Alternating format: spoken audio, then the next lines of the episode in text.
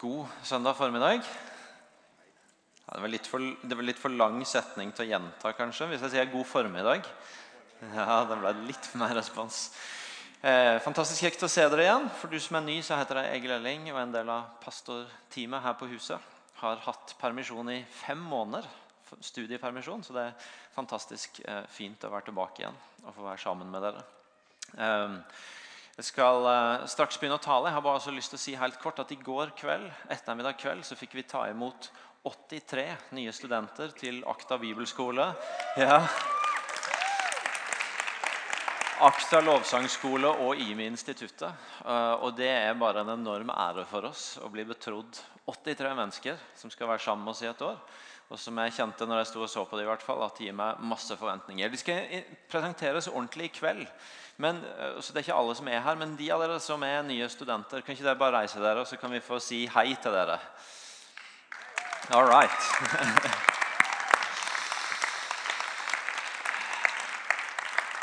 Veldig bra. Vær så god, sitt. Vi eh, gleder oss til å bli kjent med dere. Dere kan slå opp i 1. Korinterbrev 13. Nei, ikke 1. Korinterbrev 13. Dere kan slå opp i 1. Korinterbrev ved starten av 1. Korinterbrev, kapittel 1. Vi skal snart komme dit. Um, som jeg sa, jeg har hatt studiepermisjon. Det betyr at For noen måneder siden så lå jeg, satt jeg en tidlig morgen og så ut på dette vakre her uh, i en strandstol utafor ei hytte på Filippinene. Uh, fantastisk deilig. Sola skinte halv sju om morgenen. Når en har små barn, så er det jo sånne punkt en må gripe hvis en skal få litt fred. Uh, så det var som en tidlig opp og solte seg før barna våkna. og av, av alle ting jeg kunne finne på å lese akkurat den morgenen, så grunna litt begrensa utvalg i den lokale kiosken, og sånn, så, så satt jeg av alle ting og leste i, i Fortune, om, eh, som hadde en kåring av verdens 50 største ledere. Og Der dukka masse statsledere, politiske ledere opp. Presidenten i Kina. ikke sant? Der dukka eh, businessledere opp. Nummer én var Tim Cook i Apple, som hadde et langt intervju med. Der dukka mer underholdningsbransjefolk opp, som Taylor Swift, som bare har tatt kontrollen over sin egen karriere og stått den store bransjen imot. Og Midt inni alle disse her kjente fjesa så dukker det en 18-åring fra Hongkong med bollesveis opp. Og Han eh, var kåra som nummer åtte, som et sånn fenomen blant alle disse store lederne. Han heter Joshua Wong. Han leda an i det som i fjor høst, eh, eller høsten 2014 ble kalt for paraplyrevolusjonen i Hongkong. Hvor eh, det, begynte, det, var en kamp for demokratiske rettigheter mot de kinesiske myndighetene. Og Det begynte egentlig med en gjeng veldig unge mennesker, unge studenter, sånn som Joshua Wong, som begynte å demonstrere. 50-60 stykker kanskje. Og så bretta det om seg til å bli en bevegelse som favna masse tusener, tusener av mennesker. Uten noen formell posisjon, uten noen formell makt, uten en fullført utdannelse, uten noen av de tinga som vi gjerne tenker at må til for å få makt, for å bety en forskjell, for å ha en betydning og en innflytelse, så oppnådde denne da 17-åringen, nå 18-åringen, å bli det som noen omtalte som et globalt demokratiikon. Han ble en sånn utrolig innflytelsesrik type uten å egentlig ha noen av de tinga som vi ofte tenker er viktig å ha på plass for å bety en forskjell. Joshua Wong han er vokst opp i et kristent hjem med kristne foreldre. Han forteller selv at noe av startpunktet for at han ble så engasjert For Han begynte nemlig ikke som 17-åring. Han leda an sin første demonstrasjon som 13-åring. Da var det noe med noen jernbanelinjer. Og Som 15-åring leda han an i en aksjon mot kinesiske myndigheter igjen for at eh, utdanninga ikke skulle bli det han mente var hjernevasking. Og nå som 17-åring tok det virkelig av her. Og Han forteller at startpunktet for engasjementet hans det var når hans far tok han med rundt i de fattige bydelene i Hongkong og viste han og sa at, sa at det var viktig at vi visste om og brydde oss om de som alle andre hadde gitt opp. For de har ikke hørt evangeliet, og de lever ensomme og harde liv, sa faren til han. Og Så forteller Joshua Wong sjøl, når han skal på en måte snakke om forholdet mellom at han sjøl tror på Jesus, og at han har det engasjementet han har, så sier han til et av de mediene som har intervjuet han at eh, jeg tror på Jesus. Jeg tror at alle er født likeverdige. Alle, og at de er elska av Jesus. Og jeg tror at alle derfor bør få like rettigheter også i det politiske systemet. Det er hans utgangspunkt for å gjøre det han gjør. At han tror på Jesus, han tror at alle er født med like verd. Og han tror at alle elsker Jesus, og derfor bør de også i dette tilfellet, som er det han kjemper for, få like rettigheter. Allerede som liten gutt så hadde denne unge mannen fått bygd inn en forståelse av hvem Jesus er. Og Det hadde gitt han en bevissthet på sin egen verdi og på andre menneskers verdi. Og Det ble grunnlaget for at han, til tross for ingen av de der formelle tinga som vi tenker skal gi innflytelse, fikk et engasjement som fikk bety så mye for så mange. Denne formiddagen har jeg lyst til å snakke noen minutter med oss med om koblinga mellom å se hvem Jesus er, og ut fra det forstå hvem vi er og vår verdi. Og Jeg har lyst til å gjøre det gjennom å ta dere med en tur til Korint, ca. år 50 etter Jesus. Da var Korint en sånn eh, stor smeltedigel av en by. Eh, den var et knutepunkt for handelsfolk, den var et knutepunkt for folk som var på reise. Den var et sånt sted hvor det kom folk fra masse forskjellige nasjoner, fra masse forskjellige kulturer, fra masse forskjellige religioner. Det var et sted hvor det var høyt verdsatt, det intellektuelle var høyt verdsatt. Det var mange tenkere der, det var mange som kunne mye. Det, kunst var høyt verdsatt, massevis av museer og utstillinger. Og det var vet jeg om, minst tolv forskjellige templer hvor ulike guder og religioner hadde sin tilbedelse.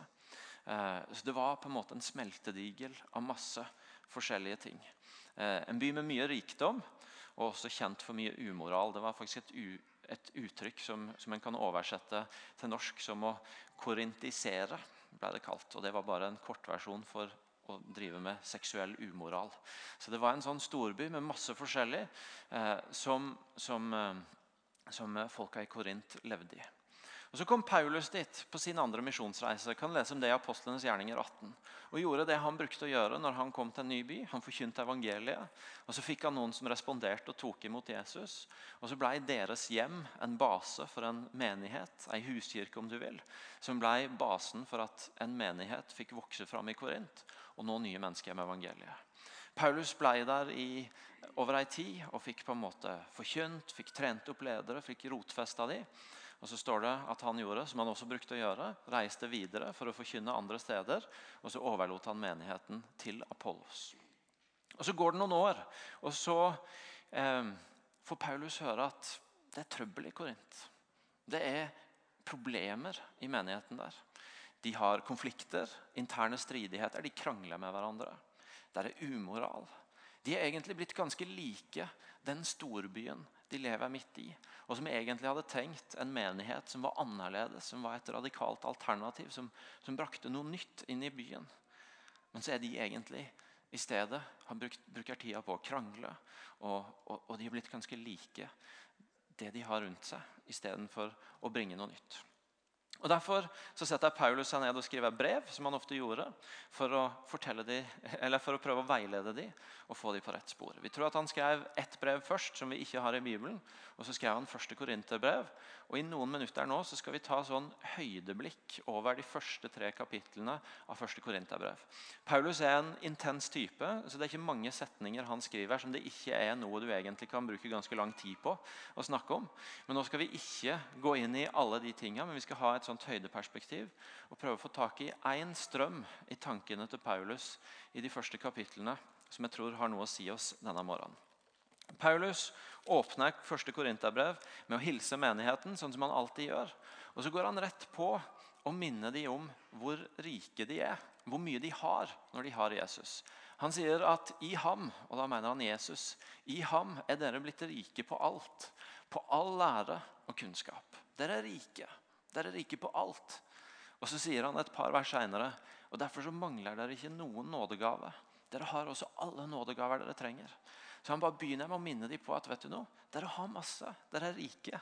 Dere trenger ikke å på en måte strides om ting, for dere har alt dere trenger.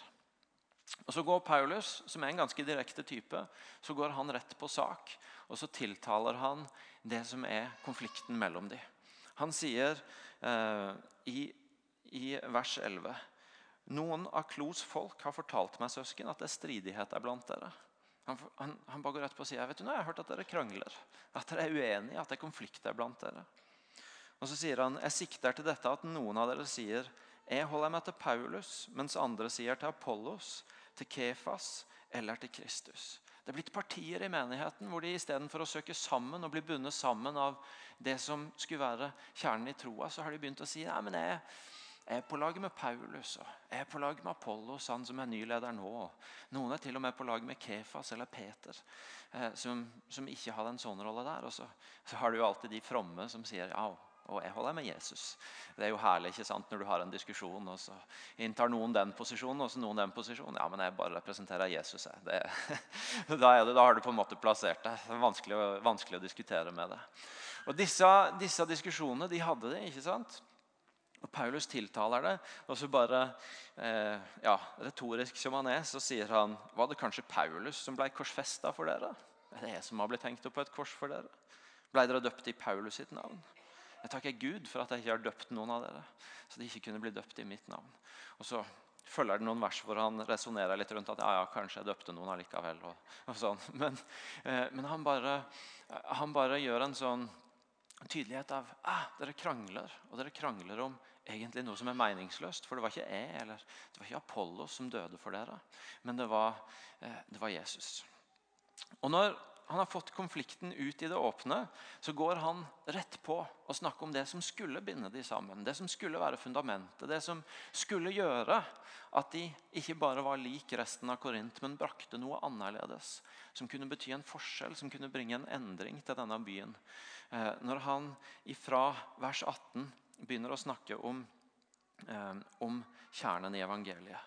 Han begynner med å si, eller, og Det han begynner med å si, det er også noe om at det dere bærer, det er noe som er helt annerledes enn det dere har rundt dere i denne verden. Det dere har fått ved Jesus, er noe som er annerledes, og som ikke uten videre er det som går rett opp på salgslistene i kulturen rundt dere. Han begynner med å si i vers 18 at ordet om korset det er dårskap for de som går fortapt, men for oss som blir frelst, så er det Guds kraft. For verden rundt, som ikke har egentlig helt grepet hva evangeliet handler om, så er ordet om korset det, det er bare dumskap, det er bare dårskap. Det vil ikke uten videre bli populært eller noe en griper med en gang. Men for dere som har fått det, så er det faktisk Guds kraft til frelse. Det er hele fundamentet for det dere tror på. Og Så sier han videre noen vers senere. Jøder spør etter tegn, og grekere søker visdom. Men vi forkynner en korsfestet Kristus. Eh, han er en snublestein for jøder og dårskap for hedninger. Men for de som er kalt, både jøder og grekere, så er Kristus Guds kraft og Guds visdom. Verden rundt spør etter tegn, de spør etter visdom. Og de forstår ikke uten videre at, at Jesus er det. Men for oss som har sett Jesus, som har tatt han imot, som kjenner han, så er han faktisk både Guds kraft og Guds visdom i ett, sier Paulus til dem. Og så sier han videre eh, noe om hvem de er, og at, at det, er ikke, det, er ikke, uten videre sånn at eh, de heller er utvalgt på samme kriterier som denne verden ser stort på. At de som er i menigheten, er heller ikke uten videre de som verden rundt løfter opp og, og, og jubler for og syns er flinke i alt. Men han sier i vers 26 at eh, se på dere sjøl, søsken, dere som ble kalt. Ikke mange viser etter menneskelige mål, og ikke mange med makt eller av fornem slekt. Men det som i verdens øyne er dårskap, det utvalgte Gud for å gjøre de vise til skamme. Og det som i verdens øyne er svakt, det utvalgte Gud for å gjøre det sterke til skamme. Ja, det som i verdens øyne står lavt, det som blir forakta, det som ikke er noe, det utvalgte Gud for å gjøre til intet det som er noe. For at ingen mennesker skal ha noe å være stolt av overfor Gud. Han bare peker på at vet du noe, det er jo ikke det at dere i dere sjøl er superstjernen i denne verden. Gud har valgt ut dere av helt andre kriterier. Og det som gjør at dere har noe å fare med, er ikke primært det dere bringer i denne verdens øyne, men det Gud gir dere. Og Så sier han i de neste versene dere er hans verk i Kristus Jesus.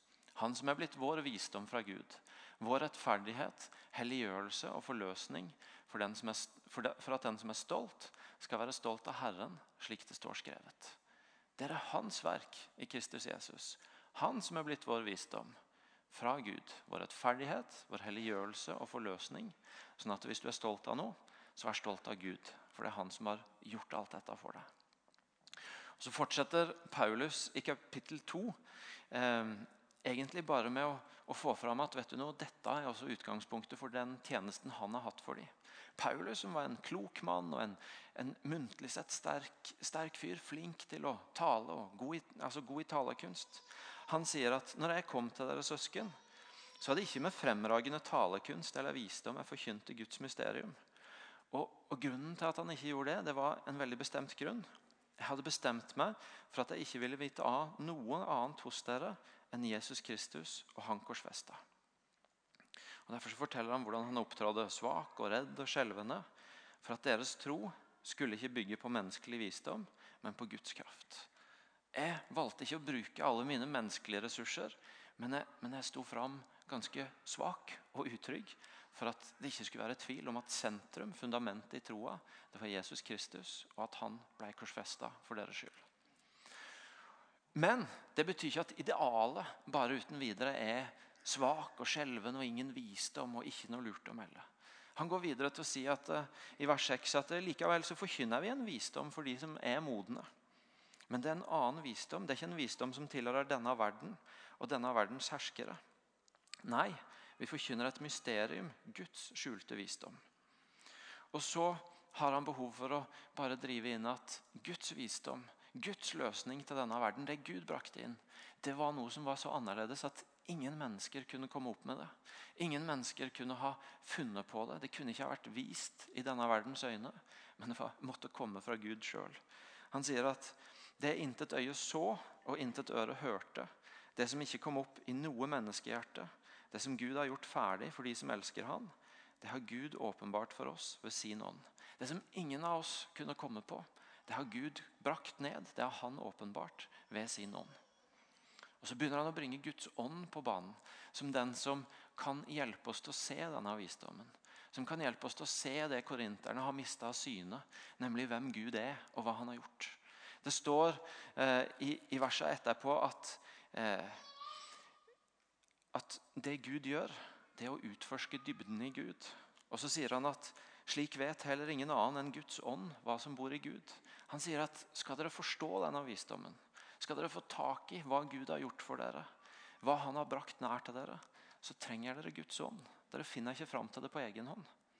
Og Så sier han noe utrolig viktig om hvorfor Guds ånd er kommet.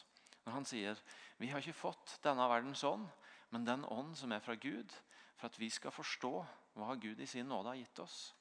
Vi får Guds ånd sånn at vi kan forstå hva Gud i sin nåde har gitt oss. At vi skal se det som vi ikke kunne komme opp med på egen hånd. Sist til slutt noen få linjer fra kapittel 3. Jeg vet at dette er litt sånn intens bibelgjennomgang, men hvis du henger på litt til, så skal vi trekke noen linjer.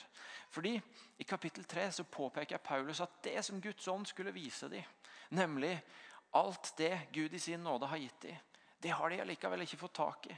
Han begynner kapittel 3 med å si likevel, søsken, så kunne jeg ikke tale til dere som til mennesker som har ånden. Jeg måtte tale til dere som mennesker styrt av kjøtt og blod, som til spedbarn i Kristus. De har ikke helt fått tak i det ånden ville vise dem. De har ikke helt fått tak i den rikdommen som Gud ønsker å gi dem. Og så sier han litt videre Hva er vel Apollos, og hva er vel Paulus? Vi er jo bare tjenere som hjalp dere til tro. Begge gjorde vi det Herren hadde satt oss til. Jeg planta, Apollos vanna, men Gud ga vekst. Det er ikke noe vits i å putte Paulus eller Apollos opp en pidestall, for det er, ikke, det er ikke oss det handler om. Men Gud ga vekst. Vi gjorde det han ba oss om, og så ga Gud vekst. Og Så avslutter han dette kapitlet med å si noe utrolig viktig. Alt hører dere til, men dere hører Kristus til, og Kristus hører Gud til. Alt hører dere til, men dere hører Kristus til, og Kristus hører Gud til. Han sier ikke alt hører Paulus til, eller alt hører Apollos til, eller alt hører noen av dere til. Han sier alt hører dere til. Og så, ikke, og, så, og så, hører dere Kristus til, og Kristus hører Gud til. Dere har alt fordi dere hører til Jesus, og han hører til Gud far. Er ikke det bra? Yes. Det er masse som jeg sa en kunne trekke ut av disse kapitlene som vi har sust igjennom nå. Paulus byr på så mye. Men her er en kortversjon av ei tankelinje som jeg har lyst til at vi skal få tak i i formiddag. Paulus, kort fortalt, sier jeg på en måte til dem at fordi dere ikke ser storheten i hvem Jesus er, og hva han har gjort for dere, så ser dere heller ikke verdien av dere sjøl. Hvem dere er i Han. Og Derfor så blir det all slags konflikter og trøbbel og utfordringer. Fordi dere ikke ser fullt ut hvem Jesus er, alt det han representerer, så ser dere egentlig heller ikke helt hvem dere sjøl er. Og hva det innebærer at dere har alt. Og det blir utgangspunktet for ganske mange utfordringer. Fordi Guds ånd ikke har fått rom blant dere til å peke på, peke på og vise dere og, og brette ut for dere hvem Jesus er, hva han gir dere, hva han ønsker å legge ned i dere, så har dere ikke helt fått tak i hvem han er, og hva han gir dere. Og Derfor så begynner de å leite etter verdien sin andre steder. De begynner å putte noen mennesker opp på en pidestall og si vi holder oss til han og finner trygghet i det. Noen begynner å hevde seg sjøl og sin egen rikdom. Noen begynner å ikke ta det så nøye med, med hvordan de lever, og, og, prøver å finne glede og trygghet i, i andre ting. Og så, og så, blir det alle mulige slags utfordringer fordi de ikke helt har fått tak i hvem Jesus er. Og Derfor har de heller ikke helt fått tak i hvem de er. For en tid tilbake så hadde jeg en en sånn liten oppdagelse. Det var ikke noe dramatisk. Det skjedde ikke med et smell eller fordi jeg, jeg møtte en veldig vanskelig situasjon. eller noe sånt. Det var sånn helt ganske hverdagslig. Jeg satt og tenkte på noen ting og reflekterte over noen ting som hadde skjedd.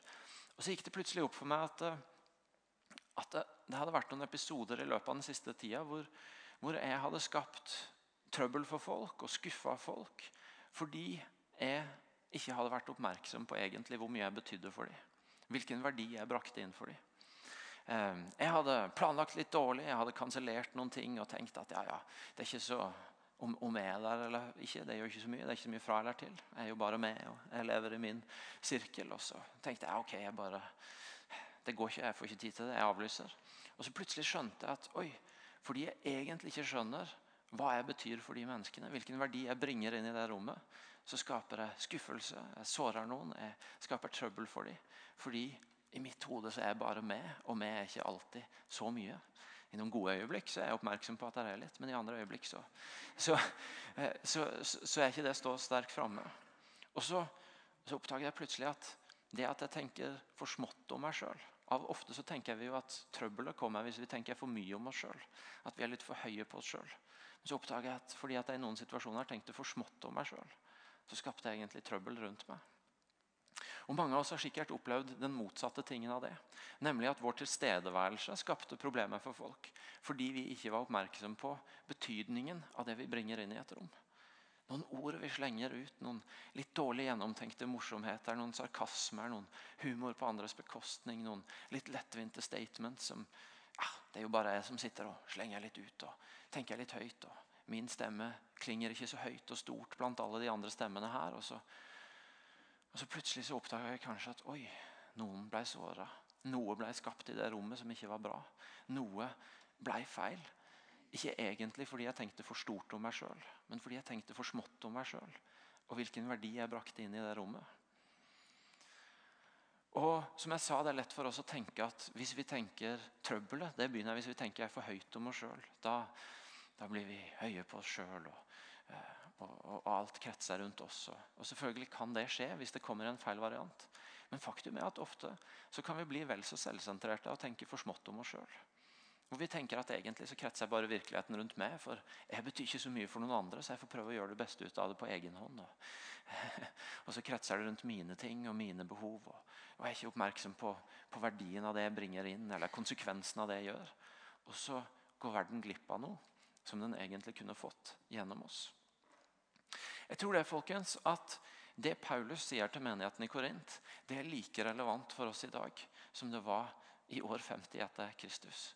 Nemlig at når vi ser storheten i hvem Jesus er, og hva han har gjort for oss, så skal det også gå opp et lys for oss om hvem vi er, hva som er vår verdi, fordi vi er i Han. Og Det er utgangspunktet for at verden rundt oss kan bli utrolig velsigna. Jeg tror vi står overfor den samme utfordringa som menigheten i Korint. At, at når vi mister litt av synet hvem han er, det store i hva han har gjort, så begynner vi også å bli usikre på hvem vi er. Vi begynner å tenke uklart om den verdien vi bringer inn i de settingene vi er i. Og så blir det noen ganger trøbbel av det, men andre ganger er vel så viktig så går verden glipp av noe. Fordi vi er ikke oppmerksomme på det vi bringer inn. Um, og det er min og din mulighet. Nå starter vi et nytt semester. Noen av dere begynner på helt nye ting. Nye studier, nye arbeidsplasser. Barna deres begynner nye settinger. Noen av oss fortsetter, men går på en ny start blant kolleger og venner og familie og andre som, som vi er vant til å gå i. Og så, og så er noe av min og din mulighet å, å ha en bevissthet på at vet du noe, jeg bringer en verdi med meg inn der hvor jeg går. Ikke primært bygd på alt jeg gjør, men på den jeg er. Og den verdien bringer med seg en mulighet til å bety noe. Til å bringe en forskjell, til å bringe noe annerledes. Fordi jeg er bærer av noe. Jeg, jeg har sett noe hos en som ikke alltid denne verden ser ved første øyekast, men som jeg har fått se. Og som er annerledes, og som gjør at jeg bringer en verdi inn i så mange settinger. Og så er det lett for oss å tenke at vet du noe, Fint det du sier. Det er for A-laget i menigheten. De som har rydda opp i alle syndene sine. De som har gått nok til veiledning til å få luka bort dårlige mønstre og gamle sår. De som har den rette jobben med posisjon. De som har utdannelsen på plass. De som ikke brukte masse krefter på å få rista sammen hele familien for å komme seg til kirke her i dag. Og egentlig tenkte at nå kan jeg puste ut og sette meg ned og slappe av litt. Og, eh, det er for alle de andre som har det på plass. Men vet du noe, historien jeg fortalte om Joshua Wong, det var en som hadde ingen av de formelle kriteriene på plass. Og Det Paulus skrev til menigheten i Korint, det var at se på dere sjøl, søsken, dere som blei kalt. Det var ikke mange vise etter menneskelige mål, og ikke mange med makt eller av fornem slekt. Men det som i verdens øyne er dårskap, det utvalgte Gud for å gjøre de vise til skamme. Og det som i verdens øyne er svakt, det utvalgte Gud for å gjøre de sterke til skamme. Det er ikke for de sterke. Det er ikke for de som har alle kriteriene på plass. Det er ikke for de som er ved enden av linja. Men det er for sånne som meg og du som er underveis, og som har ulike dager, og som har mange ting vi ikke er i mål med, men som allikevel kan se på Han, som har gitt oss noe som gjør at vi kan være frimodige på hvem vi er. For mange år før Paulus skrev dette, så skrev kong Salomo ei bok som het 'Forkynneren', hvor han skrev masse om at min og din stemme kan bety en forskjell. Og Et av versene han skriver der i Forkynneren 9,15, var i byen fantes det en mann som var fattig, men vis. Det var han som berga byen med sin visdom. Han var fattig. Han hadde det ikke på plass. Han hadde ingen posisjon. Men det var han som berga byen med sin visdom. Og Det står til og med i verset etterpå at han, han, fikk ingen ære for det. Det var ingen som anerkjente han, for han var en fattig mann som, som denne verden så ned på. Men likevel så er anerkjennelsen som lyder over livet hans, at, at eh, det var han som berga byen med sin visdom. Joshua Wong hadde ingen rik familie. Men han brakte en enorm forskjell. Mange av folka i Korint hadde ikke alt det mange i byen rundt hadde. Men Paulus så at vet du, noe, dere kan bringe noe inn i denne byen som ingen andre kan. Hvis dere bare ser hvem han er, og ut fra det ser hvem dere er. Og så er det noen ganger når vi snakker om dette her, om at for for du som er ny. Når du er kommet til IMI, så kommer du til en menighet hvor vi snakker mye om at vi har lyst til å være med på det Gud gjør. Vi snakker mye om at det er Han som er utgangspunktet. Men vi snakker også mye om at våre liv kan bety en forskjell. Og Du vil høre det ofte hvis du er ny her. Så, er det ulike varianter av at jeg og du kan bety en forskjell. Og Det tror jeg oppriktig på. Det tror vi oppriktig på. Og Så kan det være lett å tenke at det er egentlig denne verdens selvutvikling og positive tenkning i litt sånn kristen drakt. Klart du kan. Tenk positivt. Utvikle deg sjøl. Strekk deg sjøl lenger. Og så er det en stor misforståelse, for dette er noe helt annet. Selvutvikling og positiv tenkning kan det være gode ting med, men i reindyrka form så er det utrolig nådeløst. For det sier egentlig bare noe om hva du kan få til, og hva du skal klare og hva du skal bli. Det Paulus snakker om, det er ikke hva jeg og du skal få til, men at vi skal se hvem han er, sånn at vi skjønner hvem vi er. Og så skal den verdien vi bærer, og bevisstheten om det i seg sjøl få bringe en forskjell til verden rundt oss. Og Det er et helt annet utgangspunkt. Og Derfor så har jeg lyst til at vi, at vi skal høre denne formiddagen en sånn oppmuntring til å inn mot denne høsten igjen bare jage etter og, og se hvem han er. Sånn at vi skjønner hvem vi er. Sånn at denne byen kan bli rikere fordi vi har sett hvem vi er. Alt i Guds rike må mottas. Ingenting kan oppnås. Og Det er vår mulighet å motta en forståelse av hvem han er, og derfor hvem vi er, som bringer noe nytt til denne verden. En siste historie, og så skal vi gå mot en avslutning. For noen år siden så studerte jeg teologi i Oslo. Jeg gikk mitt siste semester på praktikum. og Mot slutten av det semesteret så kom det ei jeg studerte med, bort til meg. Og så sa hun jeg er skikkelig skuffa over det. Jeg hadde gleda meg til å gå på praktikum med du. Jeg har sett deg tale i den menigheten du jobber i. Jeg har sett deg skrive som journalist i Vårt Land. Jeg har sett så masse ting som, som gjør at jeg syns du var en spennende fyr. Og så skjønte jeg at vi skulle studere sammen dette semesteret, og jeg, jeg gleda meg til å høre dine innspill. Jeg gleda meg til å bli berika av det du brakte inn. Jeg visste at andre i kullet var uenig med deg i en del ting, og jeg gleda meg til å høre dere bryne, brynes på hverandre og bli klokere av det. Men det du har gjort, det at du har kommet i det timen begynte. Så har du satt deg ned, kikka inn i PC-en din og holdt kjeft. Helt til du har pakka den ned sånn at veska di var ferdig når timen var over. Og så har du gått igjen. Jeg føler meg lurt, var beskjeden hun ga til meg. Det var klar melding. Håper jeg har lært noe siden den gang. Jeg har ikke lyst til at denne verden skal bli lurt. Skal, skal få den opplevelsen av at vet du noe, vi hadde folk rundt oss som, som egentlig hadde noe å bringe. Men så, så ble vi litt lurt, fordi de skjønte ikke hvem de var. De skjønte ikke verdien av det de brakte. Og så holdt de heller kjeft. Noen år seinere måtte Paulus igjen skrive til menigheten i Korint, for det var fortsatt trøbbel. Og det var nye utfordringer. Og så, og så skriver han inn i de. Men så er det fascinerende å se at det er som om Paulus ikke vil slippe dette sporet. At hele poenget er at de må skjønne hvem han er, sånn at de kan skjønne hvem de er. Sånn at de kan bli det de var tenkt å være. Og Derfor så fortsetter han å hamre løs i kapittel 4 i 2. Korinterbrev. Vi forkynner ikke oss sjøl, men Jesus Kristus som Herre og oss som tjenere for dere, for Jesus skyld. For Gud som sa, 'Lys skal ståle fram fra mørket', han har også latt lyset skinne i våre hjerter, for at kunnskapen om Guds herlighet i Jesu Kristi ansikt skal lyse fram. Glemte jeg å ta på, men her har dere det.